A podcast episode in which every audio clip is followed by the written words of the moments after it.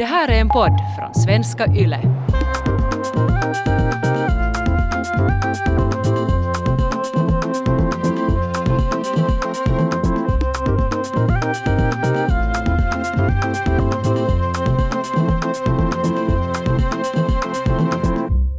Välkommen till Sällskapet, en kulturpodd med samhällsperspektiv. Sällskapet består av mig, Kia Svetihin, och den här gången sällskapar jag med Ellen Strömberg och Biffen Ahonen. Välkomna båda två. Tack. Ellen, vad tänker du prata om idag? Jag ska prata om The Crown. The Crown, serien eller din egen krona? Hör du min egen krona är på reparation tänkte jag säga. Nej, jag ska prata om serien The Crown. Och kanske kungligheter lite sådär generellt. Yes, jag har blivit så besatt av kungligheter. Uh, Biffen, Du är inte enda. Uh, jag ska prata om äh, mörkeshets. Det vill säga lyxiga märkeskläder och varför folk köper dem. det passar bra. Jag ska prata om degen som styr oss, alltså vårt kapital. Vad ingår i vårt kapital? Kan man räkna sina vänner som kapital och kan man kapitalisera på dem? Det har ju varit Peppegate och, och så har det varit Mitt kapital skriven av Milja Sarkola och jag tror att vi alla har läst den här boken. Eh, och sen har jag dessutom sett hennes, det blev en pjäs också av, av Mitt kapital. Men det, det vi vill prata om är faktiskt att, att vad är, vilka krafter är det egentligen som styr oss? Yes, Det är kungahuset. det är Det är kungahuset! kung, ja. Och Illuminati. Jag har inte så mycket val den här gången för att The Crown och engelska kungahuset är det enda jag har tänkt på de här senaste veckorna. Eh, fjärde säsongen av kanske den bästa serien någonsin i världshistorien eh, släpptes ju här för en vecka sedan, två veckor sedan. Och eh, sen dess har jag liksom bara, alltså faktiskt enbart tänkt på engelska kungligheter och typ vem av dem jag vill ligga med mest kanske, men också inte i verkligheten. Seriens kungligheter kanske jag ska eh, påpeka. Det känns som att eh, man behöver göra en distinktion mellan de två. Jag, Har du Eh, börjat, har ni du börjat- sett det? Ja. Vad fick vi för ripphulje där? Själv har du. Nej, jag ska, jag ska bara fråga, har du börjat klä dig som en kunglig också? För att det brukar ju, vet du. Alltså, jag du sitter faktiskt i skarfar och, långklänning. skarfar och låtsas att katterna är korgis och... Eh, jo, jag har skaffat sån här kilt och eh, scarf att ha runt huvudet och så går jag runt på vad jag tror är mina hedar här men egentligen är det bara gågatan i Jakobstad. Ehm, men, men jag, ja, alltså. Och, och jag har ju springer all- efter med din handväska. Precis. Eh, ett halvt steg bakom. Just det. Spelar Per Eh, alltid, ja. vad heter det där säckpipa utanför ditt fönster på morgonen i 15 minuter? I wish. Nej, Per har faktiskt inte sett The Crown. Jag tror inte han... eh, jag är osäker på om han vet om att det är en serie ens. Och ni bor i samma hushåll? ganska- Så du har tittat på det i smyg? Nej, inte så mycket i smyg, men vi har det väldigt praktiskt uppdelat. Han ser på sport, jag ser på kungligheter. Och eh, aldrig ska de två mötas. Men jag, jag måste, Eh, så att... får jag fråga ändå Ellen för att göra saker och ting Mm. klara för oss. Är du en royalist eller är du bara otroligt liksom intresserad av kungligheter? Eh, vad är skillnaden? Jag, eh, jag tänker att... Alltså rent politiskt kan jag ju inte... Jag, jag, jag förstår ju att det finns liksom... Man kan inte försvara att det finns monarkier längre idag. Alltså det är ju inte som att jag tycker att det är som en, ett bra statsstyre att ha en monarki.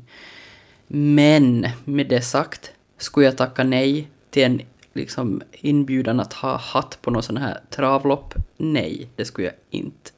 Jag tycker att eh, kungligheter och kanske speciellt engelska kungahus är ljuvliga att följa med. Det är ju som en eh, oregisserad, eller inte oregisserad, för regisserat är det ju verkligen, men det är ju som en live reality show Ja, utan bikini. Jag, jag, jag måste ju svara liksom att, att jag har ju då, ja, jag har sett på The Crown, inte ännu då hela säsong fyra, som är alltså den nya. Eh, men det där, jag igen blir väldigt förskräckt av att, alltså jag vill, jag, jag, jag skulle varje dag tacka nej till att sätta en hatt på få på travtävling med kungligheten. Alltså de, det verkar ju helt asigt att vara kung. Eller liksom, inte, Nej, men inte kung men en kunglighet. Jo, jo, alltså det, alltså det ska sägas att The Crown verkligen gör vad jag tror verkligheten rättvisa. Det är ju inte som att de romantiserar det som att på något sätt överhuvudtaget. Men med det sagt så är jag ju så sjuk i huvudet så att Alltså jag tycker ju, jag vill ju bara att någon ska säga åt mig vad jag ska göra. Jag tycker ju det är som jätte, alltså ju, ju trängre rum desto bättre. Alltså ju tydligare regler att följa desto bättre. Alltså jag är riktigt sån här, jag är typ sån här Forrest Gump typ som säkert skulle göra sig bra i armén om jag inte skulle vara för lat för det. Nej men alltså jag, jag tycker att det är så, jag tycker det är så otroligt skönt med allting det här liksom att förhålla sig till det hela tiden. Det känns som en sån här korsett som håller en ihop från att typ krackelera och vara den här liksom this mess som man är dagarna i ända. Jag tycker, ja, jag tycker det skulle vara skönt. Plus att de är ju som riktigt, de har ju som pengar, de kan ju göra vad de vill. De kan ju, alltså ja, nej. Men tänk att vara sådär liksom ändå hatad av så många i, liksom i hela världen. Alltså för människor... jag tänkte att det skulle inte vara så stor skillnad från. Whatever. Well, let them hate me. Men alltså jag tänker sådär att alltså, för folk har ju faktiskt en åsikt om Alltså speciellt det brittiska eh, kungahuset Mm. har folk en åsikt om och, och, och när jag har alltså blivit besatt av Lady Diana i, i takt med att jag har tittat på The Crown och, och jag såg på den nu. Jag vet det, jag är lite sen märker jag. Men jag såg det där, den här, det finns en tvådelad dokumentär på Netflix. Eh, Som det där hon, som, berättade hennes historia och, och var det 750 miljoner som följde med när hon gifte sig. Liksom. Jag kommer Ja. faktiskt ihåg att vi tittade på det när jag var liten. Vi, var, vi hade tvn ännu i övre våningen och så skulle vi titta på det och mamma grät och jag bara Åh, det är så vackert. Och det där släpet Mm. var så långt, det tog aldrig slut. Mm. Det vägde ju Ja, massor, alltså, det var så absurt. Mm, helt jag, var ju, jag var ju typ inte född då, men, eh, men jag har ju sett det i efterhand sådär. Och, eh, ja. Men alltså, om du är intresserad av Diana uh, Kia så skulle jag tipsa om Tina Browns eh, biografi Diana som kom för tio år sedan kanske. Nej men den är, den är väldigt bra och den är väl också den som kanske... Jag har ganska många olika böcker om Diana. Eh, Förstås har du. ja, jag har, jag har ett, ett lite, en liten hylla med mina Diana-böcker. Shrine. allt från- Härligt. Verkligen, allt från någon sån här jättekonstig estnisk sagobok som handlar om prinsessan Diana som jag inte förstår eftersom den är på estniska. Jag hittade den på loppis, men den är lite, alltså det är som riktat till barn och jag förstår inte riktigt. Eh, jag skulle vilja översätta den för att veta hur de tacklar liksom. typ till exempel hennes död i en barn. Men ja, whatever. Eh, men just den här Tina Browns biografi är väl den som rankas som bäst och mest verklighetstrogen eller vad man ska säga. Okej, tack. Bra Mm. tips. Ja, nej men, eh, men alltså, det är ju det, nu har vi ju nästan bara pratat om Diana och det, var ju, det är ju därför den här fjärde säsongen också har varit så extremt liksom väntad på, för att det här är första gången vi träffar Diana i serien då. Men, eh, men hon är ju inte säsong fyras stora kärna. För vet ni vem det är? Charles. Nej, nej, nej herregud. Förlåt. Camilla kanske? Nej, nej, nej. Märker du, märker du Vi- äh, jag Biffen hur vi, hur vi bara mockar? Ja, vi bara mockar. Och jag, och jag, Nej, jag har inte ens tittat på The Crown måste jag medge. Jag vill ta en till, jag, jag vill ha ett till, en till. eh, Kan du ge lite, ett tips? Okej, jag ger... Nej, okej, jag bara säger det. Alltså, jag, Margaret Thatcher. Ja, ja, ja! Men det där var helt kompa. Jag, jag måste liksom påpeka att jag är verkligen inget fan av Margaret Thatcher sådär IRL. eh, och inte av hennes politik. Och jag tycker att eh, jag får lite panik när jag tänker på att folk kommer att...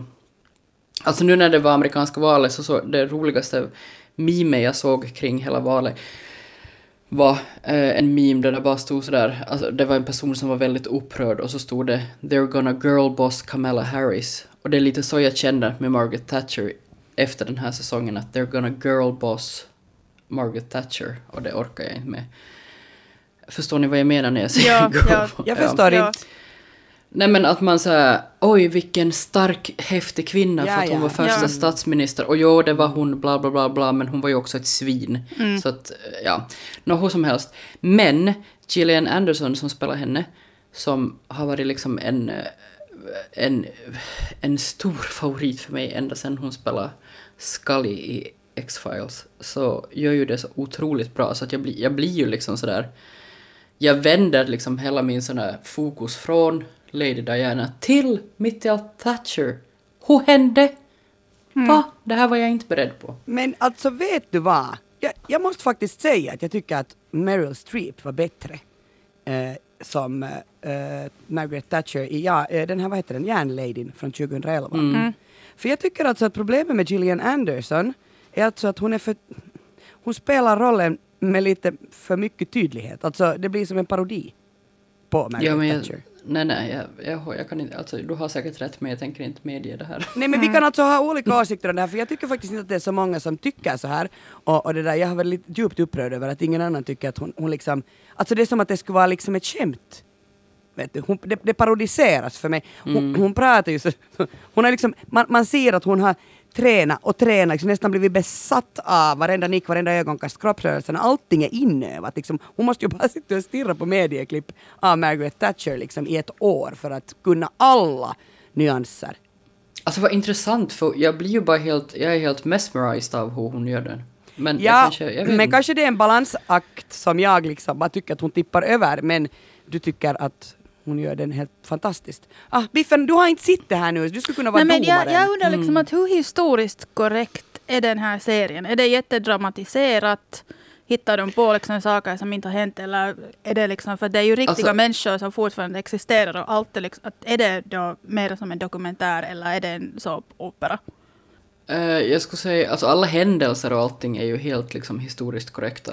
Eh, det är väl inte liksom, där har de väl varken dragit ifrån eller lagt till något. Men sen så är det ju som, visserligen handlar det ju om de här stora historiska händelserna och bla bla bla bla, men det är ju också alltså allt det här mellanmänskliga och alla de här relationerna mellan de här personerna, alltså det är ju liksom fiktiva även om de är baserade på på vad man tror sig veta Ja. om, eh, om dem. Jag läste alltså en, en artikel på BBC där då prins Charles har varit liksom jättesur och varit sådär att jag tänker sen inte titta på The Crown och det kan han väl få bestämma, han är ju kung. Men var det inte, alltså var det inte prins Charles ex-pressekreterare som var sur? Ja, det kan hända. Jag läste Hallå. det, jag läste det Ja. som prins Charles, men i varje fall liksom att, och att de var sådär att kom ihåg att, heter han Peter Morgan som har gjort den här serien? Jag tror det. Nå, att i varje fall att, att kom ihåg att det här var fiktivt och det, det säger ju hela tiden regissören. Det är fiktivt. Det, det, det är en fiktiv serie, men han försöker hålla sig till sanningen. Men att liksom att kungahuset ska vara oroade för att folket, alltså jag och Biffen och Ellen, tar det här helt på orden. Men alltså vad är de oroade för? Det här kommer knappast att skada deras rykte. Tvärtom. Mera. Jag tror, att, alltså jag tror att folk kommer att bli mer royalistiska av den här serien.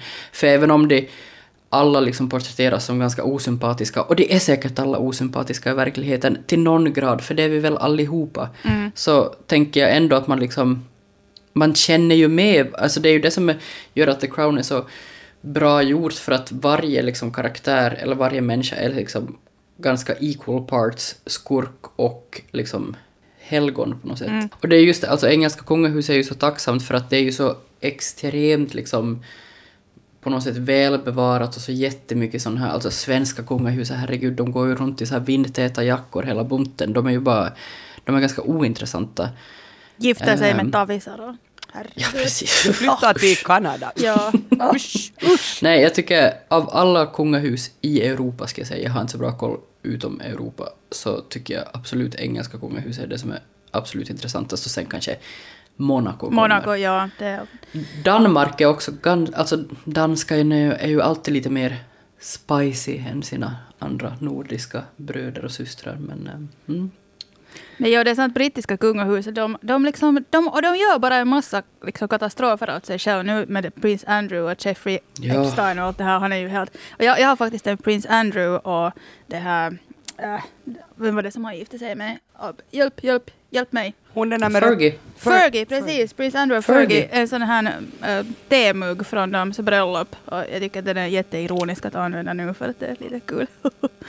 Ja, han- jag tycker att jag Han är borde helt få den. kändad nu. Alltså jag har sett den här fjärde säsongen nu två gånger redan. Va? Och jag har sett Va? de här tre... Hur Alltså, är det liksom den ens möjligt ut- tidsmässigt? Nej men för att jag typ såg första säsongen nästan på en dag för att det råkade komma ut en söndag då jag var jättebakfull. Okej? Det, jag tänker inte ursäkta det här mer. Eh, och så har jag suttit och stickat jättemycket och då sitter jag och ser på det Mm. samtidigt. Så att jag, alltså vet ni vem Michael Fa- Fagan är? Nej. Nej. Nej. Det är han mannen, han är också med här i fjärde säsongen. Det är mannen som blev känd för att han på 80, slutet av 80-talet eh, lyckades bryta sig in till drottningens sovrum på Buckingham Palace och satt och pratade med henne i tio minuter före vakterna kom. Uh. Och jag, jag, jag vill bara att ni ska komma ihåg hans namn för att jag riskerar att bli den nya Michael Fagan. Så, så bara jag får liksom komma förbi vakterna på Buckingham Palace.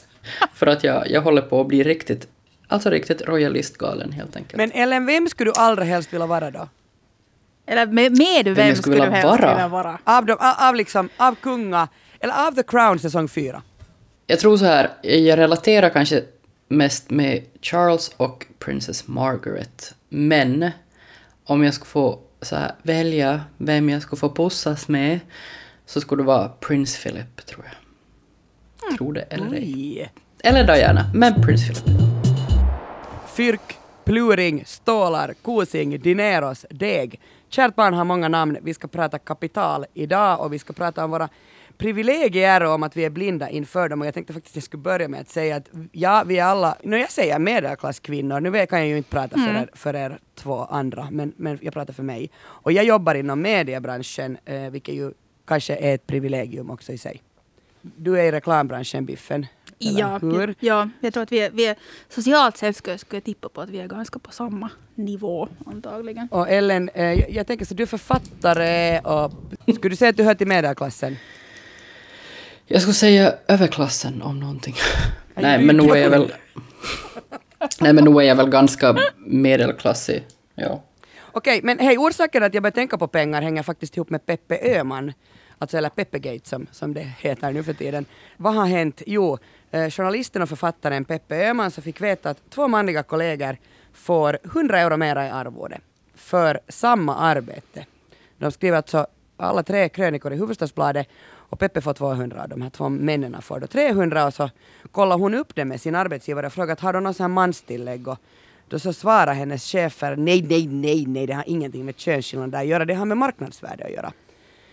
Och andra parametrar än, än liksom att det skulle handla om kvinnor och män. Jag tänkte att det här var ju intressant, att jag måste fundera på det här med marknadsvärde. Hurdant marknadsvärde månne jag har då? Och så vidare. Nåja, vad som hände sen var att, att Peppe äh, la ut texten på sin blogg och där tog den sig ganska stor fart. Hon är ganska mäktig nämligen. Uh, når ganska långt. Hon var bland annat med i SVT Morgonstudio och så här. Um, och jag lyssnade faktiskt helt igår, eller när det var på, på den senaste avsnittet av Magnus och Peppes podcast. Och där så berättade Peppe att hon har blivit inkallad på möte med cheferna på HBL efter det här. Och, och då hade, hade de helt enkelt uh, sagt att hon, de tycker att, att hon är en sämre skribent helt enkelt. Därför fick hon sämre betalt. Oho! Vad tycker ni om Alltså- sättet att uttrycka sig? Får man säga så? Nej, Jag, nej, det tycker jag Nej. verkligen slap in the face. Sen är inte jag helt säker på att det stämmer heller. Helt enkelt. nej Alltså, verkligen inte. Sen som svar, äh, äh, massor med människor svara. Och ma- massor med människor alltså ju också dela hennes inlägg Mm. och så här. Och, och en, jag läste sen Charlotte Cederbom är forskare och genushistoriker och hon skrev ett, ett blogginlägg om det här, jätteintressant. Hon säger liksom att mäns kompetens överlag värderas tyvärr högre än kvinnor. Så, och det där att, att man kan liksom generellt så, så är det så här, samhället värderar mäns kompetens högre än kvinnors kompetens. Nå, hur kan man veta det här? No, jo, därför att det finns otaliga undersökningar som jämför det här och där man liksom man utvärderar kompetens och, de, när man inte känner till könet så då mitt i allt anställer man lika mycket kvinnor som män och de får samma lön. Men om man känner till könet så är det inte så. Andelen kvinnliga musiker i symfoniorkestrar och kvinnliga författare i tidskrifter och så vidare. Men det som jag tycker att är intressant här är det att, så det att män håller varandra om ryggen, det, det vet vi. Men det är ju också så att kvinnor gör det. Alltså att man hela tiden värderar mäns kompetens högre än kvinnors. Uh, män har lättare att få forskningsanslag, män har lättare att få banklån utan borgenär och så vidare. Och jag börjar fundera på det där jättemycket, liksom att ah shit, är jag sån? Jag har ni funderat på det här? Jag är ganska säker på att jag är sån. Ja, det är ju hemskt. Biffen, säg, rädda oss, säg att du är inte sån. Jag tror inte att jag är sån, men sen å andra sidan, jag har, liksom varit, jag har jobbat hela mitt vuxna liv på samma firma som är ganska liten och alla är väldigt jämställda. Och jag, jag har inte liksom i mitt eget eh, väldigt lilla liv och små kretsar liksom upplevt att jag någonsin skulle ha blivit behandlad olika för att jag är kvinna, så då har jag inte riktigt haft någon orsak att titta på män heller på det sättet att, att jag är förtrolig. Jag vet inte. Mm. Jag, jag har kanske haft ganska tur egentligen då angående det. På det glada 00-talet, eh, närmare bestämt 2007, så var jag lärare. Jag är alltså eh, helt behörig modersmålslärare och jag undervisar eh, på en yrkesskola. Och jag kan på riktigt alltså nu medger jag att jag gav lättare eh, högre vitsord till pojkarna än till flickorna. Pojkarna behövde liksom, de bara dök upp på min timme och var jag såhär Åh, är du här? Åh. Och sen till flickorna var det sådär att du ska skriva fan i mig prosa som duger. Men- Liksom, men, men å andra sidan så jag, de, hoppas jag att de, de flickorna, kvinnorna idag har kommit långt. Men varför gjorde du, du det Ja, där? stru- jag säger strukturer. För att jag menar, det, det är ju helt... Ja. För att det finns liksom, det var, men det här är ju nog nu 15 år sedan, men alltså jag tror inte att jag idag säkert skulle göra så, men, men då gjorde jag så. Jag vet inte. Det, för jag tror att det finns liksom i oss. Och det är det här som, som jag tänker, liksom, ja, alltså att, att när, vi börjar är, när vi vågar erkänna att vi har bias, alltså partiskhet, det är då man eventuellt liksom kan, då kan vi gå vidare. Men, men om man inte kan medge själv att okej, okay, nu kanske jag är lite partisk här.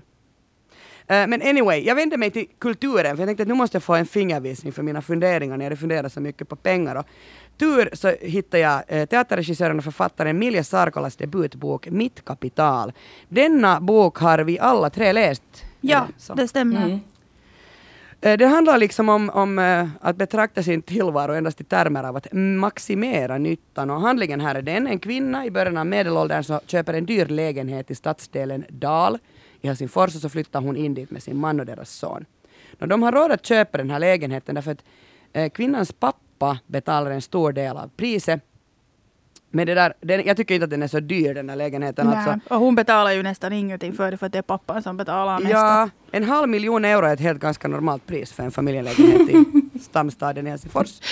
Jag vill då bara säga att igen, jag bor ju i Eppis så att jag... Mm. Det var, det, det var du som fnittrade där. Ja, alltså jag tror att man får ganska stora delar av Jakobstad kommun för en halv miljon. Ja, Bo- Borgå är nog också ganska mycket billigare än det där. Så. Och hennes låneandel alltså i boken, den är skriven 2000, eller jag tror att det handlar om 2018, men var i varje fall 63 297 eh, euro. Och jag tycker att det faktiskt är jätteliten. Det är liksom. jättelite för en lägenhet. låneandel. Ja, Ja, det, det är ju helt sjukt. Och hon har inga andra skulder. Hon har, jätte, hon har sparat jättemycket pengar. Så hon har ju liksom ingenting att gnälla om egentligen. Och, och varför vet vi så exakta siffror? Jo, för att den här boken, den här underbara boken, så där, hon skriver alltså det, nästan varje sida innehåller någon uträkning där hon liksom helt enkelt går ut med lönekvitton och hon, går liksom, hon räknar ju hela tiden. Mm. Det är sådär som Bridget Jones alltid räknat hur många cigaretter och vad hon vägde Mm. och vad hon har ätit. Men det här är liksom i pengar då, typ samma sak. Att liksom, Jo, men- ja. Problemet med både Mitt Kapital och Bridget Jones då är ju att siffror alltid är exkluderande. För att Bridget Mm. Jones hela grej är ju att hon är tjock och hon väger typ i den här 60 boken. kilo, man är så såhär, ja, dö. man är sådär, mhm, okej det är som ena mitt ben. Och på Precis. samma gång så är den här, just i den här Milja Sarkolas boken också så, så är ju som, även om hon stressar över pengar i boken så kan ju jag som inte har lika åtminstone inte samma ekonomiska sinne Mm. och inte heller samma liksom, eh, mängd på banken Mm. blir ju också sådär, men alltså precis som du sa, vad gnäller om? jag, jag, alltså jag blev jätteirriterad hela den här boken. Jag bara så att jag, jag vill bara bitchlappa den här människan. Det, liksom, jag tyckte synd om hennes familj och liksom, hon, hon var en jättejobbig liksom. Ja. För, Alltså- för det att man liksom sparar pengar och det att man investerar och sånt här, det ska ju ge trygghet i livet så att man inte behöver vara så nihke. Så, och, vet du, man kan lite njuta och hit och dit. Men det gjorde hon ju inte. Hon var här på räkna bara pengar och stressa och hade sig. Ja. Alltså, det blir ju nästan som så här, det tar så här tvångsmässiga Ja, former. Att ja. hon liksom Mm. räknar och räknar och räknar nyttan på allting. Att hon ska liksom hela tiden maximera nyttan. Eh, och det, där, det är intressant när du säger det där med just vänner och, och, och hennes man, att man skulle verkligen inte vilja vara mannen i det där förhållandet. Han, de pratade redan i början att han har liksom gift upp sig, att han kommer då från en, från en fattigare klass, eller kanske samhällsklass helt enkelt. Mm. Och det där, och, och längs med man läser den här boken så förändras också hennes man äh, i hennes sällskap. Han börjar också räkna eftersom hon hela tiden liksom hon jämför sig hela tiden och mäter äh, det här livets ekonomiska realiteter. Mm, och, det, och då liksom baserar hon det på, sig, på sitt förhållande också till kostnaden av sitt förhållande. Eh, och, och sen börjar hon också så här kapitalisera på sina vänner. Alltså vänner är väl socialt kapital.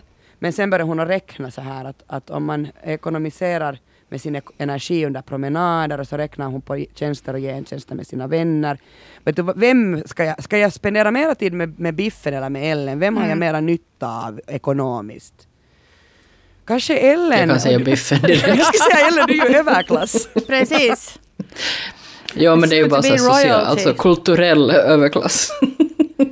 Men, men det, det som jag skulle säga var, att, eller liksom, så jag tycker bara är så intressant är att, att det blir ju liksom den här, eller Sarkola har själv sagt att uh, för, för henne uh, han, handlar det ju liksom om att man hela tiden ska liksom re, re, uh, eh, vet, vet du, det handlar ju om avundsjuka, hon, hon jämför ju sig hela tiden med andra liksom. Och att vad är egentligen ett bra liv? Är det ett bra liv att man hela tiden har extra pengar, att man hela tiden liksom jag vet inte, ha, har fyrk? Eller är det ett bra liv att du, att du är glad och lycklig och du trivs med dina vänner? Liksom, Jag skulle säga det här med pengar och sånt att ett bra liv är att när du är nöjd med det som du har och, och du känner inte att, att om jag skulle ha en större lägenhet så skulle jag vara lyckligare och om jag skulle ha mer. Att, att, att man hittar den där balansen när du är nöjd med det som du har. Och Mm. det, jag tycker att det, dit ska man sträva. Eh, Jag läste i kyrkpressen en jätteintressant intervju med Sarkola. Hon säger att hon blev intresserad av att skriva den här historien. Hennes pappa är ju Asko Sarkola. Eh, hon är ju, liksom, hon är ju eh, infödd i en sån här borgerlig finlandssvensk familj. Och hon sa att det som hon tyckte att var så intressant var att skriva om sin klassbakgrund. Att liksom borgerligheten står för att upprätthålla och förstärka samhället medan konsten utmanar, eh, utmynnar, utmynnar i att, eh, att man ska ifrågasätta. Och, och liksom, genom att hon har sin släkt och sin uppväxt som bakgrund så, så sa hon att hon hela tiden liksom i borgerliga, borgerliga kretsar så fick hon mindervärdeskomplex på grund av sina inkomster, att hon förtjänar helt för lite. Medan sen i de konstnärliga kretsarna så, var hon, så skämdes hon över sin välfärd och att hon hade liksom regelbundna inkomster. Att det blev för henne faktiskt liksom, ja alltså det var därför hon skrev boken. Och, och jag tycker det är superintressant alltså, eh, då vill jag faktiskt tänka på klass. Om vi tar, vi tar henne nu. Hon, hon skäms i, i, i sina, när hon um, umgås med sina eh, konstnärliga vänner, så skäms hon över sina inkomster. Eh, alltså man skäms över vad man tjänar, man skäms över sin ekonomiska situation. Och det som gör frågan till ett av vår, vårt samhälles största tabun är just vad som gäller samhällsklasser. Och i regel så har ju människor inte så jättestort problem med att någon tjänar bra. Alltså, jag tänker så här bara, nu får man väl tjäna liksom mera än mig, men man vill väl att alla i grunden ska behandlas lika. Och här tycker jag ju liksom att Peppe Öhman är ju verkligen ett exempel på att hon inte har blivit behandlad lika. För om man säger att nej men Peppe det är liksom dig som person vi har emot, inte något kön här, då behandlas man ju inte lika. Det som jag vill säga om liksom klass är ju faktiskt det att det har ju ingenting med, med hög lön att göra, alltså din klass, samhällsklass. Det handlar om ackumulerat kapital, alltså socialt, ekonomiskt, som du har ärvt genom generationer och det har sådär mödolöst så växer det liksom. Att, att, jag menar det är egendom det handlar om. Ränta på ränta Mm. hörni. No, eh, jag såg ett sånt här program av Axel Åhman eh, som, som handlar om pengar, uh, utan, tänk utanför boxen, när han intervjuade Rasmus Mannerström som är socialpsykolog. Och han sa så mycket intressant om pengar, att, att han sa bland annat liksom att, att pengar i hela världen är ett internationellt tabu. Eh, och det här handlar om att för hundra år sedan så arbetade vi endast för lönens skull. Och i dagens värld så handlar arbete om att förverkliga sig själv. Att det är en del av vårt identitetsprojekt och det ska spegla vårt jag och vår personlighet och det blir liksom ett mått på vår prestation. Eh, det betyder att vi läser väldigt gärna också de här listorna över vem som har förtjänat mest från Skatteverket, för då får vi liksom en det hjälper oss att få en uppfattning om vem vi är och vår position i relation till andra. Alltså, Mm. när jag funderar så här, varför provoceras jag av att andra människor har fyrk eller liksom så här är, är rika? No, men därför att när man spenderar pengar ger man ett uttryck för sin status och sina inkomster och när man ger ett uttryck för, för ens egna inkomster så visar man också indirekt kanske att titta på dina tillkortakommanden, liksom att man speglar sig ofrivilligt i andra. Jag kan ju också bli superprovocerad av eh, hur man har förtjänat si- sina pengar. Liksom att finländare speciellt, så vi värdesätter ju jättehögt så här hårt arbete. Man, helst ska man ju jobba hela tiden. Uh, men, men liksom att investera pengar och den vägen bli jätterik, så jag har i varje fall att jag blir jätte suspekt mot sådana. Jag säger, där är nog något lurigt bakom, liksom. det, är någon som, det är någon som luras. Så man blir kanske lite bitter att varför liksom kom jag inte på det där? För då när bitcoinen till exempel kom så kommer jag ihåg att jag funderade att jag borde man för skojs skull köpa lite bitcoins bara för att det är coolt just nu. Men sen så gjorde jag ju inte och jag bara borde ju ha gjort det. Men nu skulle man ju ha fun- nu funderar jag ju så här, det är något skumt med bitcoin. Exakt, och därför köpte man inte. Det är liksom, och man sa att ja, men jag går och köper en Jo, flaska men- vin istället. Varför? Det där, men för att återgå till mitt kapital, eh, så det som jag tycker faktiskt att var ganska jobbigt med den här boken är alltså att som läsupplevelse så, så var det både em- emotionellt och intellektuellt väldigt utmanande. Alltså, jag, så, jag blev hela tiden f- fundera jag liksom på mitt eget förhållningssätt. Alltså, är det berättaren i boken som är beräknande eller är det jag? Man blir, Mm. alltså, att, att, och jag blev också funderad så här, borde man göra mer som hon? Men jag har ju också kontrollbehov. Så, men jag vände mig i varje fall till Thomas Piketty, eh, min vän. Han har just kommit ut med en bok som heter Kapitalet ideologin. Och, det där, och han säger alltså att det att man har så här, alltså, de här stora berättelserna uh, om, om klassklyftor så är ekonomiskt nödvändiga. Alltså den som dominerar ekonomiskt måste alltid skapa en berättelse om varför det är rätt och riktigt att just de ska dominera. Det betyder att, att till exempel adeln sa alltid att jo, vi har pengar men det är vi som skapar ordning och stabilitet. Och kyrkans män de sa jo, jo, vi har pengarna nu men vi har ju direkt kontakt med Gud. Och idag är det techmiljardärerna som säger att, att jo, jo, att vi, vi har pengarna men, men det är bra för tillväxt och, och innovation. Och, och Thomas Piketty han föreslår nu att, att i Frankrike så ska man vid 25 års ålder dela ut till alla alla 25-åringar ska få 120 000 euro i klumpsumma från staten. För han vill dela ut ett arv åt alla liksom när de är 25, inte när, de, när deras föräldrar dör och man får ärva dem. Om jag skulle ha fått 120 000 när jag var 25 så skulle jag ha dockat upp dem på ett halvår, kan jag, berätta. Ja, jag tänkte säga det var den sämsta idén jag Ja, hört i hela ja. livet. Han- Eh, när ja. man är 45 så ja, kanske, men när man är 25, hell no. Eh, Thomas Piketty, där fick du dig. Biffen och Ellen har talat. Jag ska ge ett till tips nu så att ni ska kunna ändå lite balansera de här uh, olika uh, kapitala inkomsterna. Läs uh, Dagarna, dagarna, dagarna av Tone Schunnesson.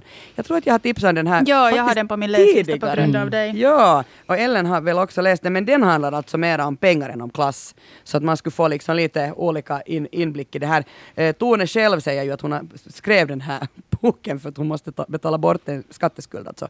Då föddes romanen, hon behövde fyrk. Mm.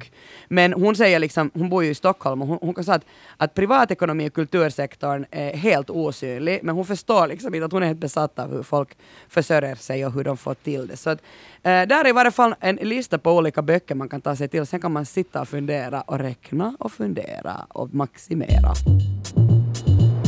Biffen, du har något liknande ämne. Det är lite samma, jag uh, också snuddar på pengar och konsumtion. För att nu på senaste veckorna så har det ju varit ganska mycket gjort om att i Helsingfors är det sådana tonårs uh, ungdomsgäng som rånar varandras märkeskläder. Att om du har ett snyggt Louis Vuitton-bälte så kommer någon att hota dig med kniv och snor av ditt bälte.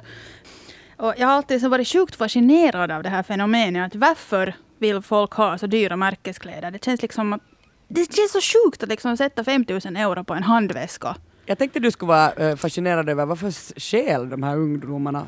Men det var du inte. Du, Att det känns ju också som att märkeskläder har blivit mycket vanliga. Alltså när jag gick i skolan så sydde vi egna.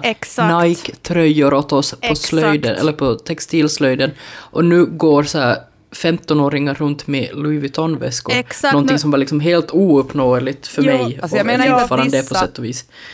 Jag menar inte att dissa dig, eller hur syr man en Nike College?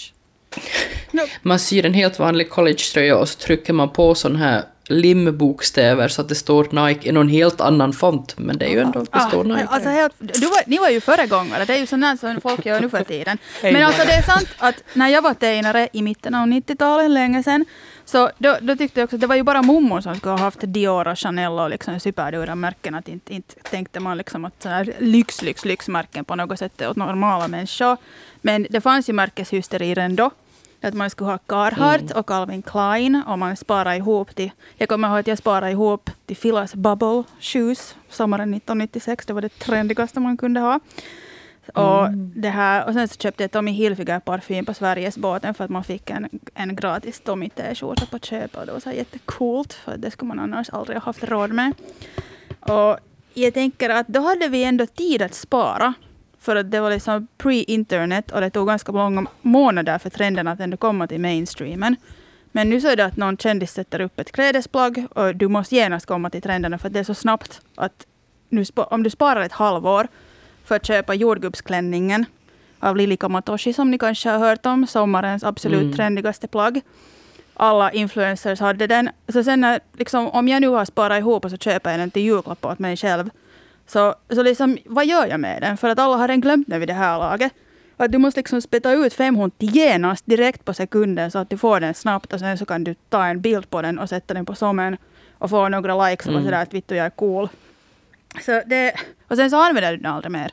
För att den, den är jätteful. Det är liksom, det, den där klän, det är en sån ljus, ljusröd klänning med jordgubbar som ser ut liksom som om du är på väg någonstans på någon barnkalas eller valla får eller den är bara jätteful. Liksom, ingen ser bra ut i den. Men alltså förr i tiden eh, när, när jag var liksom teini, alltså tonåring, så då åkte man till Mustamäen torg och så köpte man, alltså i Estland, i Tallinn, och så köpte man eh, så här fake märkeskläder, Adidas byxor men det stod Abihas. Ah, fan vad coolt. Alltså, det- men sån här man skulle ha, alltså, jag skulle totally använda det. Köper ni märkeskläder? Jag köper alla mina kläder från Tokmanni. Så nej. Eh, jag köp, alltså, b- b- skor är jag lite sådär Ja. eh, nörd med. Men det, är ju, det handlar ju som om, alltså det handlar ju inte om jättemycket pengar och det handlar ju inte om jättefär, alltså det är ju inte som att jag har GCs, alltså det är ju inte, Nej, precis. Ehm. Plus att skor ska vara bekväma för att det är en, det är en, det är en Ja. hälsofråga kan man redan i den här åldern påstå. ja. Jag har alltid ändå tänkt att när det är liksom märke Vet, vet du, man väljer att inte gå till de här, den här barnarbetskraftsklädbutikerna som det finns många av. Om man köper därifrån så är det ju jättedålig kvalitet och så köper du liksom märkeskläder har jag alltid tänkt alltså att det är bättre kvalitet. Mm. Men alltså det är ju, men nej, nu för tiden tycker jag att det, du köper inte för att det är bättre kvalitet utan folk konsumerar så jättemycket bara för att man kan sätta det på sociala medier. Det är ju det som har blivit... Har ni, har ni hört om den här hashtaggen How much is your outfit? Nej. Ja, Ja. ja, det är ju helt galet. Så gänget bara tävlar om att hur dyr din outfit är. Till exempel han där sångaren Isaac Elliot, han hade liksom typ 20 tonnis kläder på sig. Och det, det är liksom helt att det har blivit normen att... Alltså är inte han 12, växer ja, inte han ja, ännu? ja, det är Han kommer ju att alltså, växa ur sina kläder. Ja. Ellen, han var precis. 12 när vi var 12. Nej, alltså okej, det, det var Han inte är sant. 12. Han, nej, han är typ 18. jag, vet, jag vet inte hur gammal han är. Fortfarande. Jag vet, han är forever 12. Det är liksom... Isaac. Isaac, sorry, förlåt. Ja men det är ju också, ja, det är ju som det som är det ironiska för att jag menar, skulle du på riktigt vara rik och på riktigt ha liksom, Så skulle du aldrig göra det där. nej, och, och det, alltså det, så här, det här märkeshysterin, eller eh, det där med märke gäller ju liksom att veta vilket märke som gör, alltså det är ju att ha den här Hermes-skarfen som inte syns att det är en Hermes-skarf om inte Exakt. du vet det. Och, alltså, Exakt. Exakt. det är ju inte Jag- att ha den här stora loggan Nej, på jag, tyck, jag tycker att det var jätteintressant. Vi var några år sedan, vi hade en DJ-keikka på ett äh, större sån här, vad heter det, smyckes, det här butiks. De hade en privatfest och de hade på dagen så hade de influencers och bloggare som kom dit. De hade då en ny, nya såna här klockor och smycken som de visade ut som svindyra. Jag tror att den dyraste kostade liksom 150 000 eller någonting. Det var liksom helt sjukt. Vi var hoppas att herregud, vad gör vi här? Och sen på kvällen så kom de här, då, de här kunderna, de här riktiga kunderna dit. Och på dagen, de var så snorkiga och de gick omkring, alla hade märkeskläder på sig och liksom bara märken och märken och märken och, och liksom riktigt så att ah, jag är så fin när jag är här. Men sen när de där på riktigt rika människorna kom dit, inte såg man på dem. Alltså såklart, de hade kvalitetskläder, men inte såg man någon logon. Och de var mycket trevligare också än de här som hade varit där på dagen. De var så här sjukt trendiga och var så här, "Titta, vi spelar bra musa här, jätte, mycket är. Så ja, och, och de skulle aldrig liksom just gå omkring och säga att jag har det här och det här, för det, det är nollo. Alltså så vi tycker liksom om människor som har märkeskläder men man får inte skryta om dem. No, alltså man måste, klart, om du, har, om du på riktigt har råd och det gör dig lycklig, så go for it. Det, det är härligt. Det, det, köp så mycket som du vill. Men jag tycker att det här liksom kulturen som är nu, så den driver ju folk till ekonomiska problem. Bara för Mm. att liksom man ska ha en image. Och du köper inte någonting för att det är kvalitet. Du, du, du köper en väska som är trendig i några månader och du sätter jättemycket pengar på den och sen är den inte trendig mer och du får inte några pengar när du ska sälja den. Och, och, man, och man har ju själv också gått in i det där att man köper typ, nu ska jag köpa jättemycket skivor så att jag kan sätta på Instagram att folk tycker att jag är jättekulturell. och sen så lyssnar jag inte ens på dem och, och sen är det så att Åh, varför satt jag 300 euro på det där? Jag, vet, jag är idiot. Ja, ja, när man ska bygga liksom upp Ja, sin image. Precis, kring- att man bygger upp liksom en image med saker. Det är som att bädda upp hela den här hetsen. Så det, och, och är liksom en milstolpe i vår relation till konsumtion. Så det är nog Sex and the City. När den började 1998. För att före det så jag visste inte ens vad några märkesskor på det. Eller man visste, man hade liksom Fila just och Carhartt och sånt här, men det var ändå ganska vet du, måttligt, det kost, måttliga prisklasser. Men nu kommer det liksom in i den här superlyx, liksom flera tonnis väskor och och, och sånt här. Så det, det är liksom att, att plötsligt ska alla ha märkesskor och jättedyra väskor. Men det är också, jag, tycker, jag är också lite imponerad av de här ungdomarna och de som faktiskt... För jag har liksom aldrig ens, jag har aldrig ens varit in i en sån här lyxaffär. Jag har gått förbi de här Louis Vuitton-fönstren och tänkt ja, de ska antagligen typ det skulle falla ner en sån här liten bur om jag skulle gå in Ja. genom dörren ens för att... Alltså att jag har som ingenting med den världen att göra, jag är liksom bara en betraktare. Så jag är lite imponerad av det här självförtroendet man ändå måste ha för att liksom sådär... Men det är kanske också just att man kan klicka hem någonting på nätet. Att man Det är kan det. faktiskt... Ja. Ja, nej, men jag vet, så jag, jag har faktiskt också bara en gång varit i Guccis affär i London med min kompis och ville gå dit. Och jag var också så att "Åh, de kommer att föra ut mig härifrån. Jag, jag, jag, är helt här i jag äckliga, lumpiga loppiskläder. Och, uh, jag skämdes Mm. jättemycket, det kändes inte alls bra. Men ja, det, det är sånt, det är sånt. Men just ännu om det här Sex and the City så det sägs ju att hon Carrie Bradshaw, hon är liksom the original influencer. För att hon skämtar ju ganska ofta där i, där i den där serien att hon har inte betalat sina räkningar och hon är skuldsatt och hon har köpt skor för 40 000 dollar och ändå så shoppar hon varje dag och de går ute på jäkligt dyra krogar och dricker drinkar varje kväll. Och tidningen Elle har räknat ut att under endast en säsong av showen så sätter Carrie 175 000 dollar på kläder. Hon har 140 olika outfits, 120 par skor och 100 handväskor. Man är liksom sådär att... vi, Hon, måste, hon får nog säkert jättebra betalt för den där Ja. krönikan, bättre än Peppe Öhman. Alltså verkligen, Peppe better, liksom nu, liksom work it, work it. Och sen, men jag tycker att det här kulturen blir också att det blir okej att maxa ut kreditkorten, för det är viktigare att ha en image av att vara rik än att på riktigt liksom ha fyga på sparkonto. Så att man skulle lite liksom vilja skylla den här början av märkeshetsen på det här programmet för att folk blev så liksom jäkla obsessed. Det, är det tutar ut att man ska vara så independent woman, men sen så blir man bara liksom woman in debt. Och sen när Sex and the City kom så tävlade ju Brandon ma- om att få sina grejer på showen. För vad som helst som visades där sålde slut direkt. Mm. Alla krogar de filmade på blev jättepopulära. En sen vart Carrie och Mira- Miranda äter en cupcake. Så det sägs det som startat 2000-talets cupcake-hysteri. Så det har verkligen överallt farit den här serien. Och det är ju som det mest överskattade bakverket ever. Alltså det är I ju inte ens know! gott. Det, men det är också för att den ser så söt ut. Och den är liksom så Ja, att jag, ja.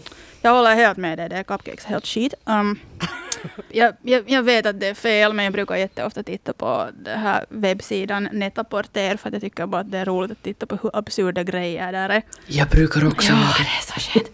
Och sen så tar jag alltid liksom den där rank price highest to low. Så att man säger att det är någon klänning som kostar liksom 100 000 euro. Det är helt sjukt. Men jag tittar där den dyraste väskan som de har där just nu som faktiskt nästan var slutsåld är av märket The Row och den kostar 40 000 euro. Alltså Men- The Road, det, det här Olsen Twins, ja, det, det de har eget. Men det är ingenting jämfört med The Hermes Birkenbag som är världens dyraste väska. Mm. Och den är så lyxig att du får inte ens, du kan inte gå in till en Hermes butik och bara säga att jag vill ha en Birkenbag. De har sagt nej. Att vi väljer vem som får köpa en sån.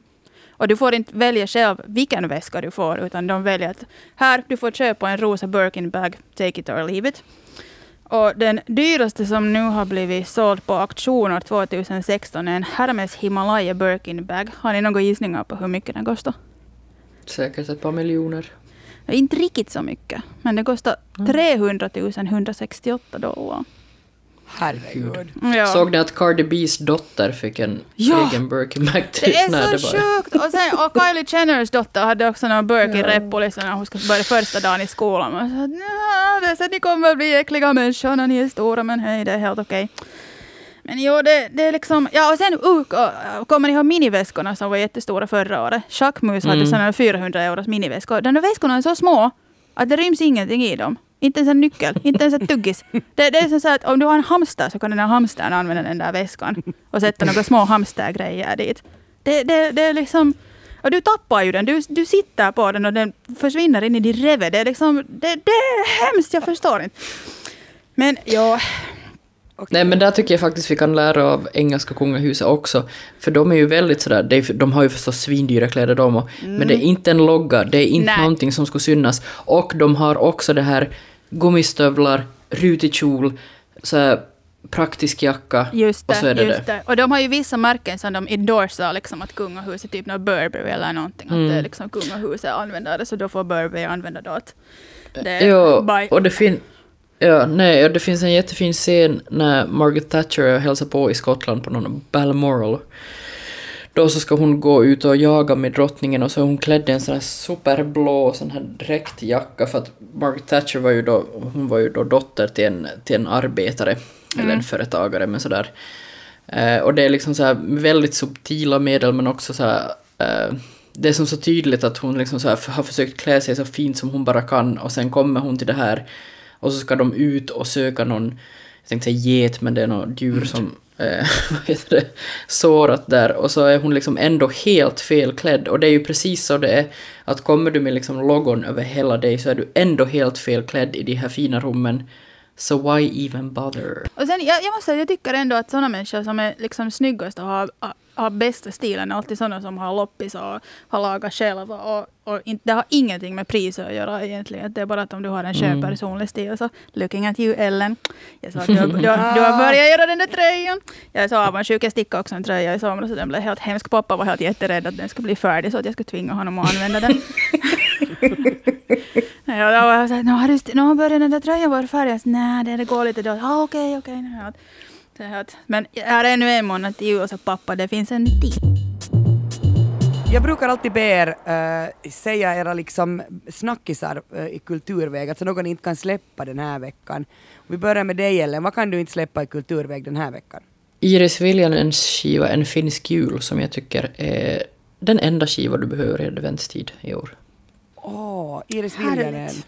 Viljanen. Vad kan du inte släppa den här veckan Biffen? No, det här är nu sånt som jag inte har kunnat släppa på säkert 30 år, men det här eh, de facto 29 år sedan, 24 november 1991, så dog Freddie Mercury. Han var 45, så mitt kulturtips är Queens sista skiva med Freddie, Innuendo.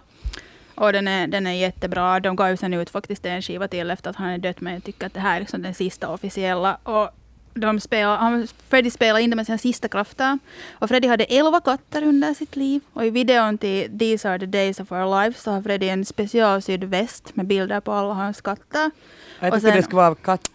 Nej. det, det, om du skulle varit stylist så då skulle du ha gjort det. Så att um, jag, jag mördar de här katterna, gör en väst av dem och begraver mig själv i den. Det är, liksom, det är så som du skulle ha gjort. Men, men Freddy var inte likadan savage som du. Så han hade bara liksom att det var så här sydda, sydda då, av, avbildade av, av inte riktiga katter. Um, och sen sången Delilah på den här skivan handlar om hans favoritkatt Delilah, vilket jag tycker att det är helt ljuvligt. Så det är mitt kulturtips att lyssna på Innuendo-skivan. Vilket kulturtips! Jag ska ge också ett kulturtips som går av stapeln på måndagen, eh, alltså den 30 elfte. Eh, nämligen mm, på Ode, Centrumbiblioteket i Helsingfors, så ska vi ägna oss en hel kväll åt den finlandssvenska kritiken. Uh, ordet till kritiken, det är jag som är programledare för den här roliga streamen som ni alla ska titta på. Och det uh, ni absolut ska titta på, det börjar alltså klockan fem och så streamar vi ett par timmar. Det att gå in bara på arenan. Men det, det möte som ni absolut inte ska missa är ett ovanligt möte, alltså mellan en författare och en kritiker. Eh, Pia Ingström ska samtala med författaren Milja Sarkola eh, om sina roller, alltså det här med att, att du är en kritiker och du är en författare och, det där, och de kommer att prata om mitt kapital, så det här passar ju väldigt bra ihop. Tack Ellen för sällskapet. Tack Kia Tack Biffen för sällskapet. och Biffen. Tack. Och Ellen. Har ni lyssnare där ute något på hjärtat? Det tror jag. Jag menar, vi, vi har ju mycket åsikter om en det ena och en det andra. Tveka ej, skriv oss. Vi har en egen e-mail, salskapet.yle.fi. Alla referenser och hänvisningar hittar du i avsnittsbeskrivningen på arenan. Nästa vecka sällskapar jag med Peter Alfakir och Tuuli Heinonen. Vi hörs, hej då! Hej hej! Hej!